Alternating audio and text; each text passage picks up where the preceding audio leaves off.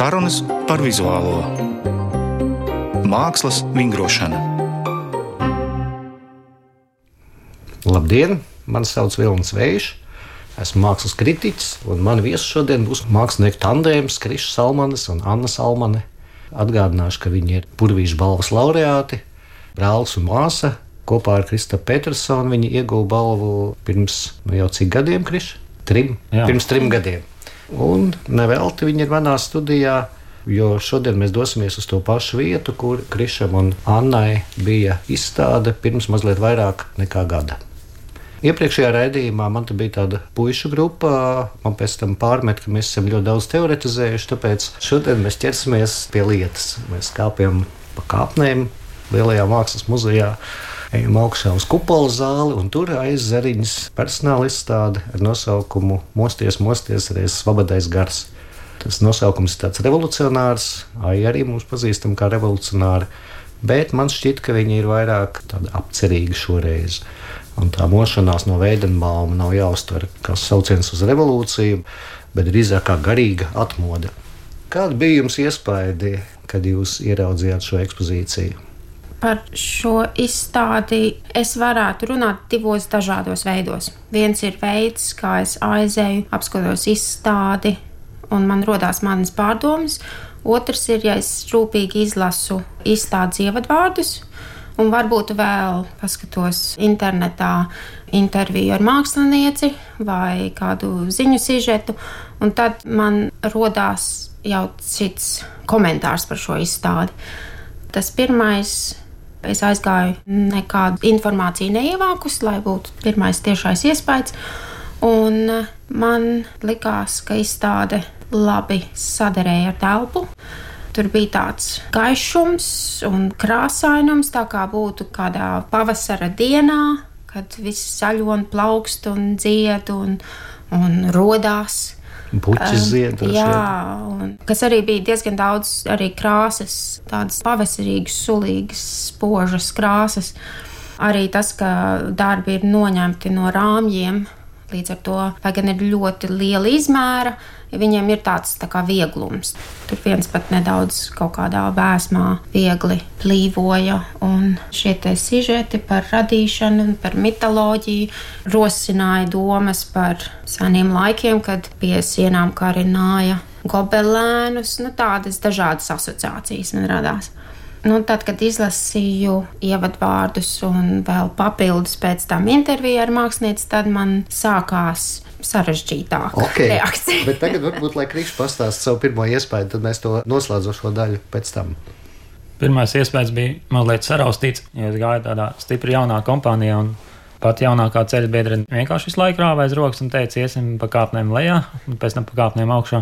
Un otra jaunākā jau sāka interesēties, kas tur par sižetiem, un īpaši, kur bija kāds cilvēks kādam citam vēdā, vai ar to jau varēja parunāt, bet nu, kopumā bija diezgan saraustīta. Un to otro reizi gāja viens pats, un man bija laba sajūta, tāpat kā Anna teica, bija arī gaiša diena, laikam, bet tie krāsainie audekli tik skaisti vēl saspēlējās ar mm -hmm. atvērtajām durvīm, pa kurām arī nāca diezgan spoža zilgana, tāda gaisma un vēl tās zaļās izējas lampiņas, un tas viss tajā jūklī kopā ka neko nevar apskatīt pilnībā.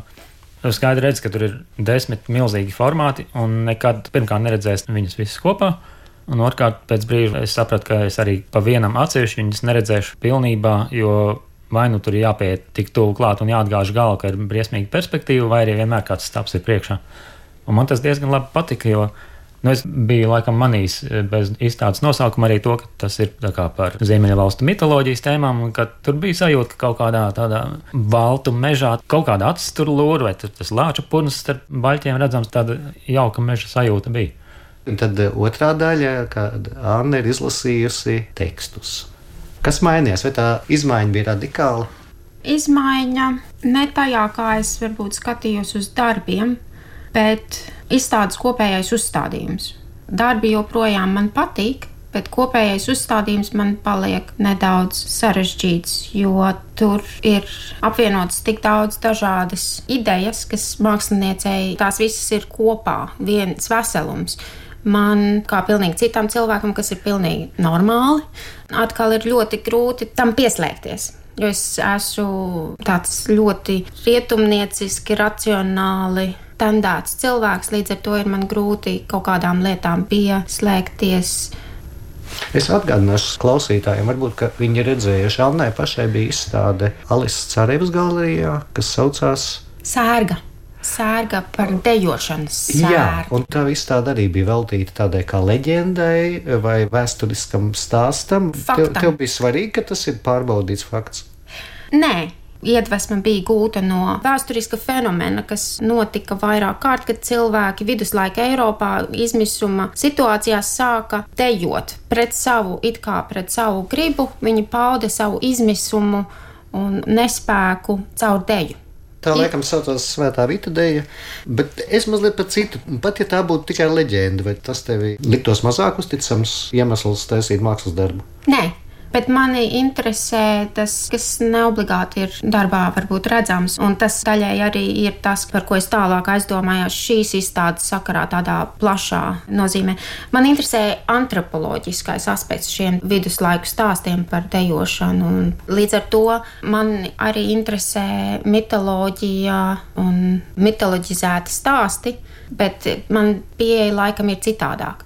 Bet tas, man liekas, interesantākais no tām pārdomām priekš manis pašas ir tas, ko rosināja šī izstāde, bet kas galīgi nav attiecināms tikai uz šo izstādi, tas ir attiecināms arī uz maniem darbiem un uz daudz mākslinieku darbiem, ka ir šī ideja, ir tā iedvesma.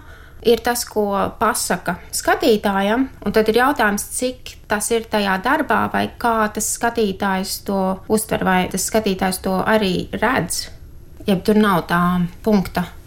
Tas tikai mākslinieka galvā paliek. Pajautāsim Krišam. Man ir gadījies arī tā, ka viens no iemesliem, kāpēc ir vērts izstādīt tos darbus, ko uztais, ir, lai dzirdētu, ko cilvēki tajos saskata, un kaut kādā brīdī varbūt saprast arī, ko pats esi uztaisījis. Jau. Tā kā Anna saka, vai ne, galvā kaut kas ir, uztaisi, un kāds tev paskaidro, par ko īstenībā tas darbs ir, un tu ieraugi, ka tas darbs ir īstenībā labāks varbūt kādreiz, vai dziļāks vai varbūt pat biedējošāks kādā brīdī. Man arī aizzariņas gadījumā bija grūtības saprast. Man varbūt vispār ir šobrīd bažas par tādiem skaļiem aicinājumiem uz barikādēm vai uz tādām masīvām kopīgām rīcībām. Pat ja tā ir atmošanās vai atgriešanās pie baltu kaut kādiem pirmsākumiem un mitoloģiskās dzīves ziņas vai dzīves veida, es īsti pat nezinu. Tas man radīja grūtības, un tad man šķiet, ka es nosapņoju to, ko īstenībā aizariņa ar šiem darbiem ir gribējusi, vai ko īstenībā šie darbi nozīmē. Nu, atklāja mums! Nu, vismaz tā es sev to izskaidroju. Un, un jutos diezgan apmierināts. Jo nu, man tie senie dievi īpaši laikam neliks kļūt radošākam vai mosties.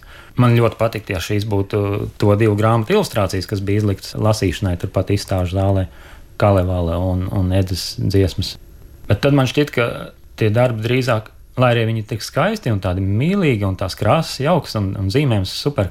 Nu, kā es atceros, jau no seniem laikiem mājas ariņu un forši tas rokraksts ir, man liekas, spēcīgs un labs. Bet par spīti tam mīlīgumam un krāsainumam, kas tur parādījās, īstenībā tas ir komentārs par to, ka tie dievi, tie dabas spēki īstenībā nevis grib, lai mēs tā mīlīgi tur kanteles spēlējot, mostamies, bet viņi jau mūs modina dedzinādam visu to, kas Austrālijā deg un pludinādam Indonēziju. Un, un, nu, cikot, rādīdam mums, ka mēs esam diezgan savā tajā pret ko iestājās aizariņš savā patērnieciskumā, diezgan tālu nodzīvojušies, ka pat dabas spēki jau vairs to īsti negrib izturēt un kaut kādā veidā mums liek manīt, ka nu ir pat raku. Tas varētu būt tāda mana interpretācija, tai teorētiskajai pusē, bet um, bez tā visa var arī ļoti labi skatīties tos darbus un nemēģināt varbūt pamosties un kļūt radošākam, vienkārši ļaut tiem darbiem iedarboties. Ļoti labi tad eh, mums iespēja savēlkās kopā ar mūsu otru tēmu, par ko mēs noteikti parunāsim. Tā ir eh, zinātniskajai fantastikai veltīta izstāde, vai varbūt tā gluži nevar teikt. Izstādē nenorunātās tikšanās, ko ir organizējis Laikmatīgās mākslas centrs un kas ir eh, skatām izstāžu zālē Arsenāls.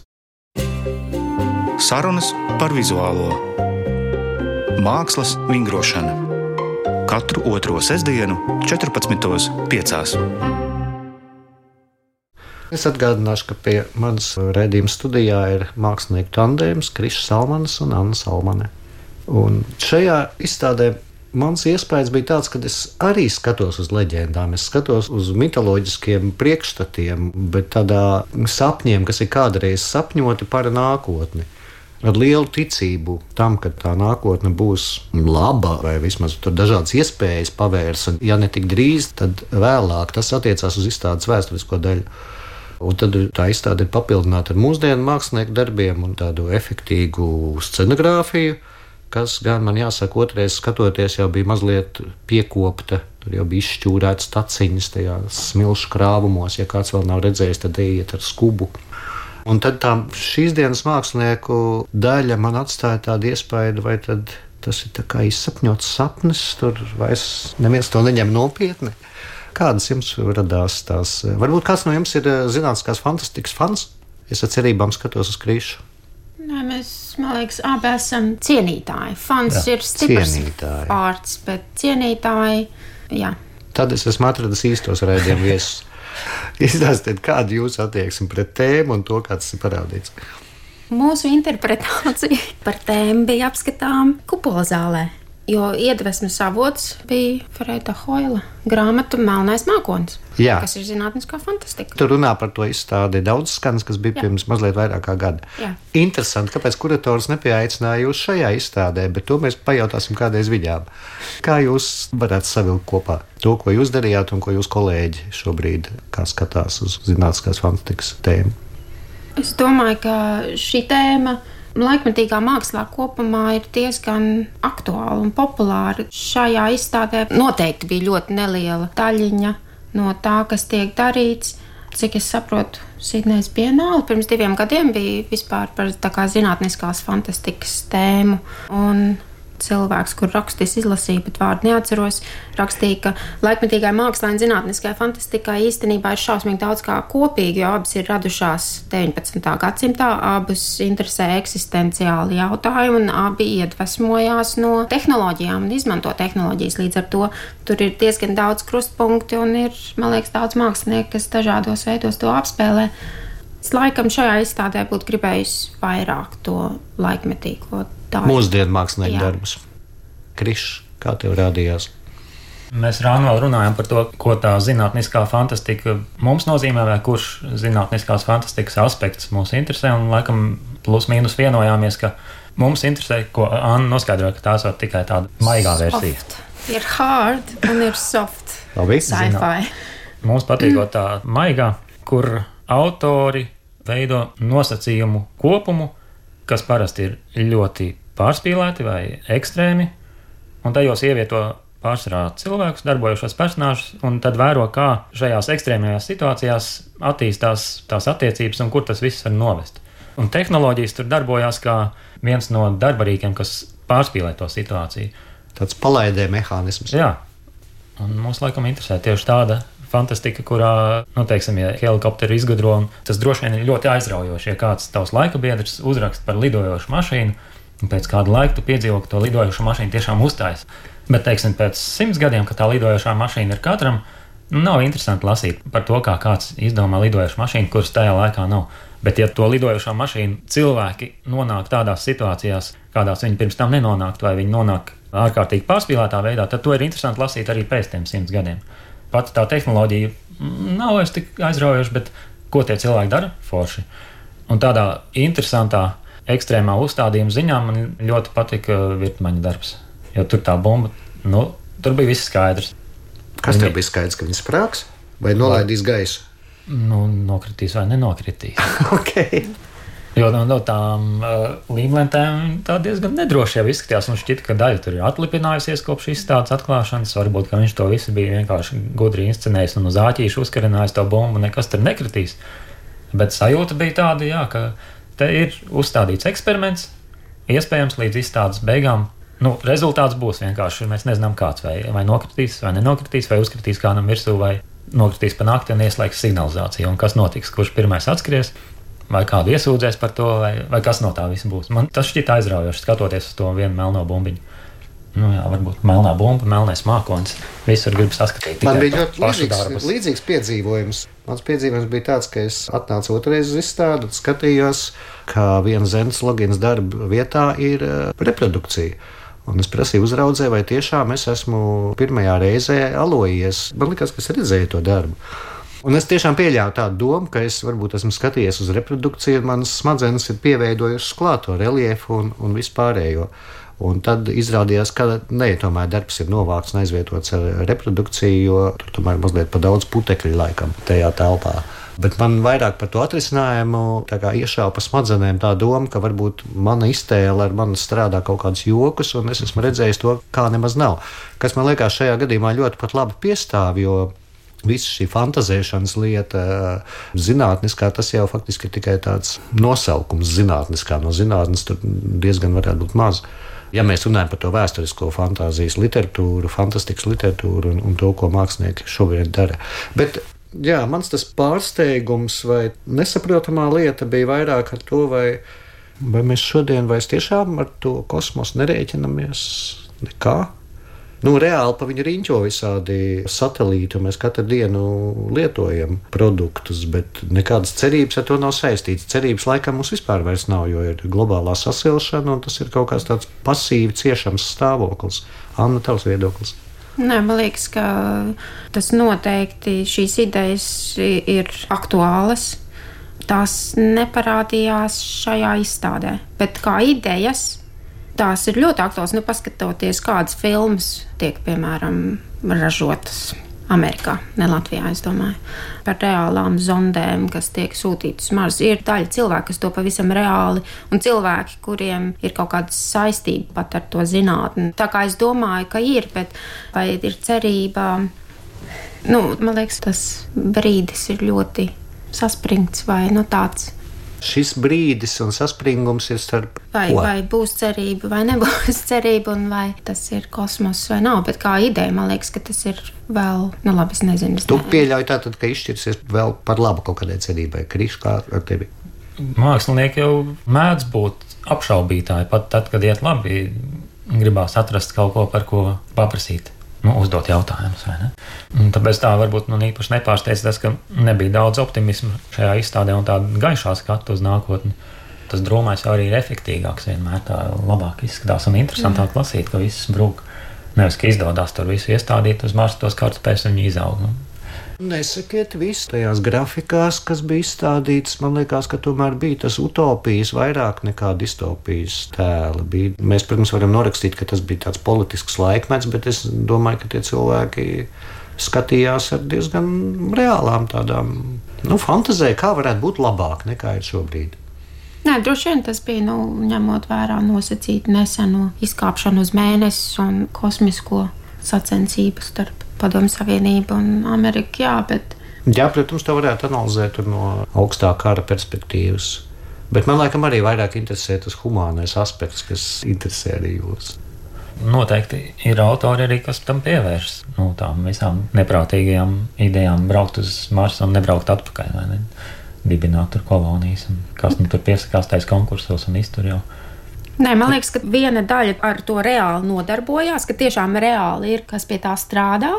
Tad ir filmas, Un tad ir, un tad ir mīlīgs retro. Man liekas, tas ir kaut kāds subžanrs, kurā mēs atskatāmies uz kaut kādiem laikiem, kad cilvēki iedomājās nākotni, mēs tagad atdarinām viņu spīguļojošos tērpus, vai faktiski pat ļoti daudz tēlus, kas, nu, varbūt izpildījuma ziņā ir kaut kā digitāli atrisināti, bet visādi marsiešu sejas un kosmonautu kostīmi. Jā, šodien tas izskatās pēc retro. Bet, ja tur ir tas sociālais aspekts, tad vairs nav svarīgi, kā viņi izskatās. Ja ir šī situācija, kurā ieliek cilvēkus, kuriem ir kaut kā jāatrisina, un kā cilvēki uzvedās, un kāda ir tā cilvēka daba, tad jau vairs nav svarīgi, vai tas marsietis ir zaļš vai sudraba krāsā. Tāpēc arī, man liekas, daudzas, es visu laiku par tām filmām.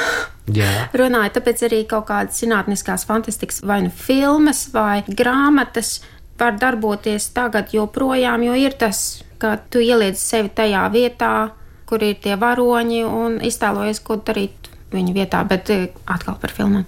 Šie efekti, kas bieži nāk filmām par sliktu, jo viņi koncentrējās uz radīt šo vizuālo tēlu mm -hmm. tik pārliecinoši, ka viņi aizmirst par to saturu. Un tas sanāk tāds. Un iespējams, ka tas ir tas, kas pirmais arī noveco tie. Jā, nē, noteikti. Efekti. noteikti. Vai nu, kaut kāda vizuāla tēla, tur nav tā. Bet mēs ļoti jauki parunājām šodien. Mēs parunājām par eh, divām izstādēm, kurās es kopā redzu jautājumu par iztēli, ko arī Anna sākumā ievadīja. Vai tam, ko mēs ieraugām mākslas darbā, ir ciešs sakars ar informāciju, kas ir apkārt. Jo mēs taču varam kaut ko arī iedomāties. Mēs varam piedomāt klāt, vai mākslinieks var iedomāties kaut ko, kas neatbilst faktiem. Varbūt tā nav pat populārākā pieeja mūsdienās. Laiktīgā māksla ir diezgan pragmatiska, tā kā komentē, un tad, ja nav pareizi, tad Twitterī apstrīd vispārējie.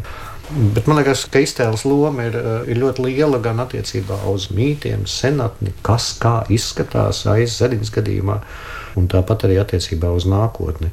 Vai tas mums būtu kaut kas tāds, nezinu, varbūt reģionāls, vai man tiešām nav versijas, jūs komentāri labprāt dzirdētu. Droši vien tur ir kādas reģionālās iezīmes arī. Man šķiet, Labi, Anna daudz labāk zina, kas notiek Lielbritānijā. Viņu kaut kā tāds iespējas, ka tur nemaz nav tā sausuma, tāda um, piekasīguma, ka tur viss diezgan tā trekni un, un slapi un, un ar materiālu bieži vien un ar izjūtām jātver. Mm -hmm. Droši vien arī valodas ietekme. Vācieši jau tā ir atkal tā, nu, manā saskarsmē pēdējā laikā tādi sausāki vācieši bijuši, kas nav ļoti sociāli, ne pat politiski aktīvi. Un, Pirms gada bija rezidencē, kur divi vācieši jau nezinu, cik gadiem brauc uz to austrumu valstīm un intervēja ļaudis par Irākas karu un ASV bijušās karavīrus intervē. No tā tā es mēģinu uztaisīt kaut ko treknu un slapju un tādu piedzīvojamu, ne tikai analizējumu ar prātu. Bet... Iespējams, ka viņiem šajā nedēļā ir vairāk vielas. Jā, nu tā viela diemžēl radās visu laiku. Tomēr par nākotni Anna jau te minēja, ka ir daļa cilvēku, kuri nākotnes perspektīvas redz ļoti skaidri, kas izplatās visumā. Un ir cilvēki, kas neredz laikam nekādas nākotnes perspektīvas. Vai mēs varam iedomāties tādu fantazēšanu šodien kā kaut ko apsveicamu, aizraujošu, patīkamu, ko mēs varētu iztēloties? Atkal kādu gadgetu izgudrošanu vai kaut kādu tehnikas brīnumu, vai tieši otrādi, kaut kādu patēriņa samazināšana, ko man ir ļoti grūti iedomāties. Jo tad nu, gan mums būtu jāsamierinās ar faktu, ka visa Bangladeša varbūt arī grib dzīvot tik labi kā mēs, un nešos vairs tik lētas drēbes. Un, un man liekas, ka, ja mēģina šo domu konkretizēt, tad visi progresīvākie aktīvisti viņiem iestājās kaut kādā kontūzijas smadzenēs, jo tad nav zināms, kāda tā nākotne izskatīsies. Nē, man ļoti pesimistisks prognozes ir par tiem dieviem, kas jau uzdarbojās ka tā arī noliks visus pie vietas un nebūs vairs patērniecība, jo būs vienkārši pilnīgi citādāk tā pasaule, kad eh, mainīsies. Kā tu to iztēlojies? Vai es labāk negribu to iztēloties? Nu, drusku. Pilnīgi cita geogrāfija ar migrāciju. Un, Cik jā. ilgā nākotnē? Zinātnieki parasti šajā brīdī saka, nu, es ievēlku elpu 15, 20 gadu. Bet tas bija kā, laikam par to pozitīvo nākotnes priekšstatu, kad pirms, būs kvanta kompjuters. Tas bija pirms pieciem un desmit gadiem, kad viņi tā teica. Tā kā Jā. nu, pēc pieciem gadiem. Par to pesimistisko jau arī. Bet ļoti labi, mēs šodien varam prognozēt un atrast raidījumu ierakstu pēc Ceram, tā laika. Mēs nevarēsim atrast, jau tā lieta. Tā situācija būs tāda, ka nebūs kur neko atrast. Ja tieši ar to zinātniskā fantastika nodarbojās, viņi prognozēja, viņi lika klāt gada skaitļus, ka 2000, 2005, 2010. gadā jau būs tā un tā. Nu, tas tā distopija. Tā kā mēs kaut savus akmens cirvīšus katram gadījumam un uzkrāt jau. Tu tiešām to dari, Krišs? es mācos pagaidām tikai kaut. Nē. Nē. Labi, Krišs purina galvu, bet saka, ka mācās. Un ar to divdomību mēs varam arī noslēgt mūsu prognožu spēli un pārbaudīsim to pēc gadiem. Kamēr vēl mēs varēsim. Paldies, ka jau viesiem studijā bija Kris Salmans un Anna Salmani. Uz redzēšanos, mīļie klausītāji! Nākamais raidījums Mākslas vingrošana klasikas ēterā būs pēc divām nedēļām, 25. janvārī, 14.5. Pārraidi vadīs mākslas kritiķis Kaspars Vanaks. Raidījums tapis ar valsts kultūra kapitāla fonda atbalstu.